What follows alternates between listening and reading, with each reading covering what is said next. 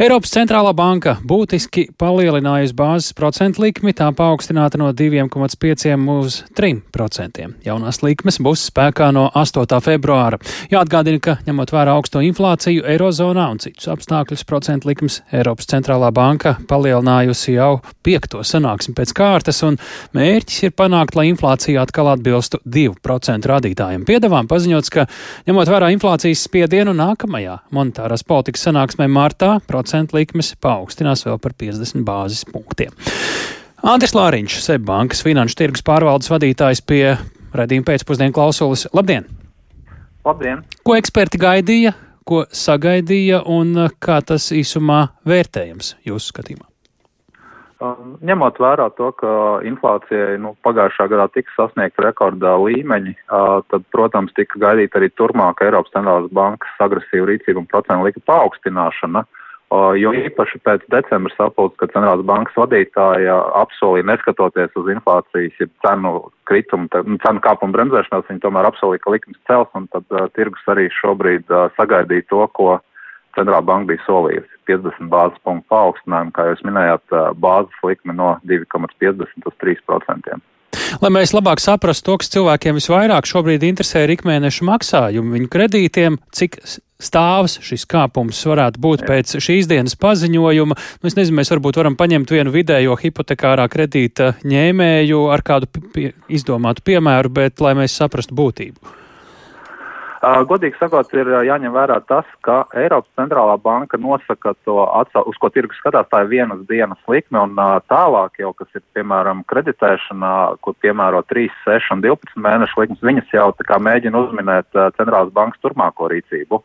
Un ņemot vērā to, ka centrālā banka decembrī deva mājienas, kad vismaz pāris reizes varētu celt, nu, nu tā kā jau ar pārliecību šīs likmes tirgu, šīs likmes šos kāpumus jau ierēķināja, kas nozīmē to, ka tuvākajās dienās nevajadzētu būt novērojamiem būtiskiem procentu likuma kāpumiem, tas pats uh, 3, 6 vai 12 mēnešu eiribor likums, uh, jo uh, tāds solis bija gaidīts. Protams, uh, tie, kas skatās tālāk uz gadu, gada likme, ja, kura šobrīd jau ir 3,4% līmenī, Viņa var pakāpties, bet varbūt mazāk, savukārt trīs mēnešu likme, kas ietver tuvāko trīs mēnešu periodu, viņa varbūt arī var drusciņi vairāk pakāpties, jo viņai jāierēķina tas, ko izdarīja tagad un, un tas, ko centrāla banka varētu solīt attiecībā uz martu un turpmākiem mēnešiem.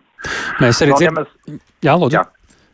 Nē, nē, es gribēju teikt arī to, ka lielākais un straujākais procentu likuma kāpums šķiet ir aiz muguras. Šobrīd piesardzīgi runā par mārtu, un tas arī nav garantēts. Skaidrs, ka ja inflācijas tendencēs būs pozitīvas, nu vēl pozitīvāks pārmaiņas nekā šobrīd, viņi var arī mainīt savu viedokli un varbūt mazāk paaugstināt likumu. Bet tā pašā laikā jā, jāatzīmē, ka ir arī riski, ka tas kāpums varbūt arī pēc tam nākamajās sapulcēs. Tā kā centrālā banka nu, viņa, viņa pati arī pieņem lēmumus balstoties uz aktuāliem datiem, kurus diezgan grūti šādā situācijā prognozēt. Šobrīd vai pie līdzšinējiem paaugstinājumiem, kā mēs minējām, piecas sēdes pēc kārtas, tas jau ir noticis, var redzēt jau būtisku vai pietiekami ievērojumu ietekmi uz inflāciju šīm procentu likuma kāpumam? Primāri Centrāla banka atzīst, ka ir vērojams tendenci izmaiņas kreditēšanā, bet, protams, tas, ka inflācija šobrīd pazeminās vairāk, ir pateicoties energoresursu cenu izmaiņām. Jo, ja mēs skatāmies, ka gāze sasniedz rekordu līmeņus pagājušā gadā un šogad atkāpusies uh, no šiem rekordu līmeņiem, tas, protams, velk uz leju inflācijas rādītājus bet uh, virkne šī cenu kāpuma viņi parādīsies vēlāk, jo skaidrs, ka mēs saņemam tos rēķinus, mēs redzam, ka mums pieaug izmaksas, uh, tad mēs, protams, arī pēc tam uh, tā produkcija pakalpojumi, kas tālāk tiek uh, pasniegt, arī sadārdinās. Un uh, mēs uh, uzskatām, ka centrāla banka monitorē šo situāciju.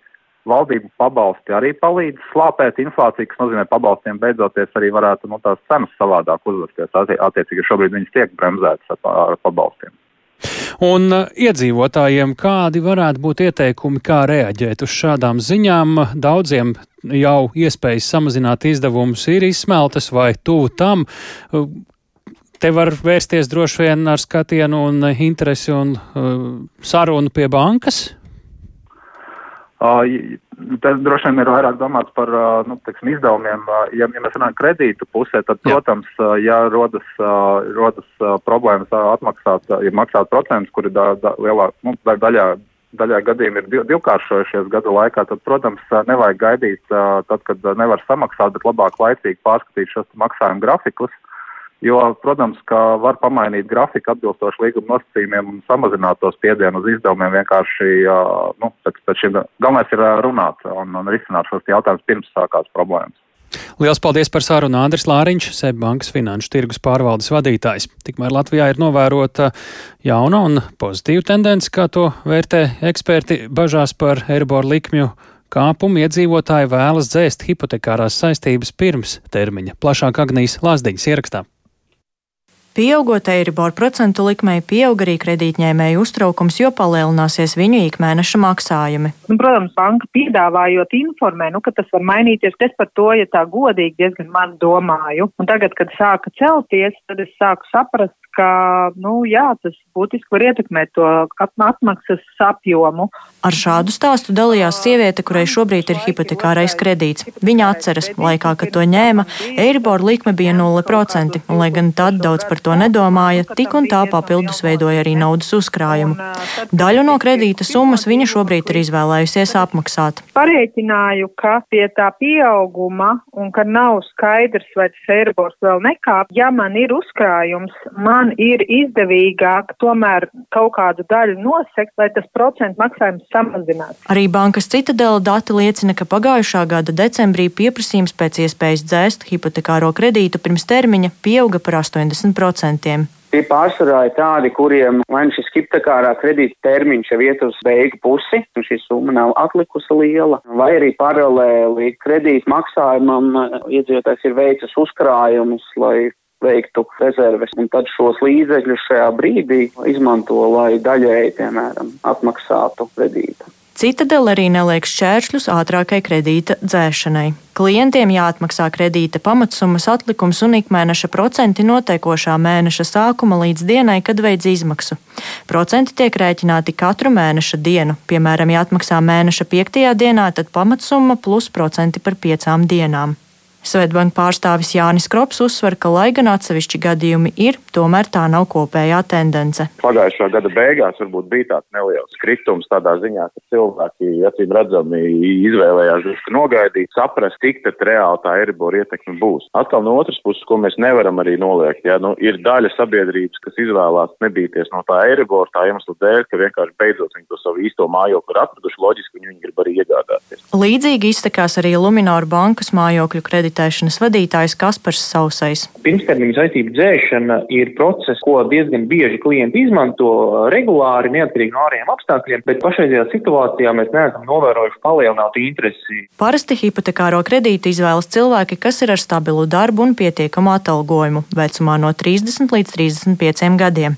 Vidēji hipotekārā kredīta summa ir aptuveni 70 tūkstoši eiro. Agnija Lazdiņa, Latvijas radio.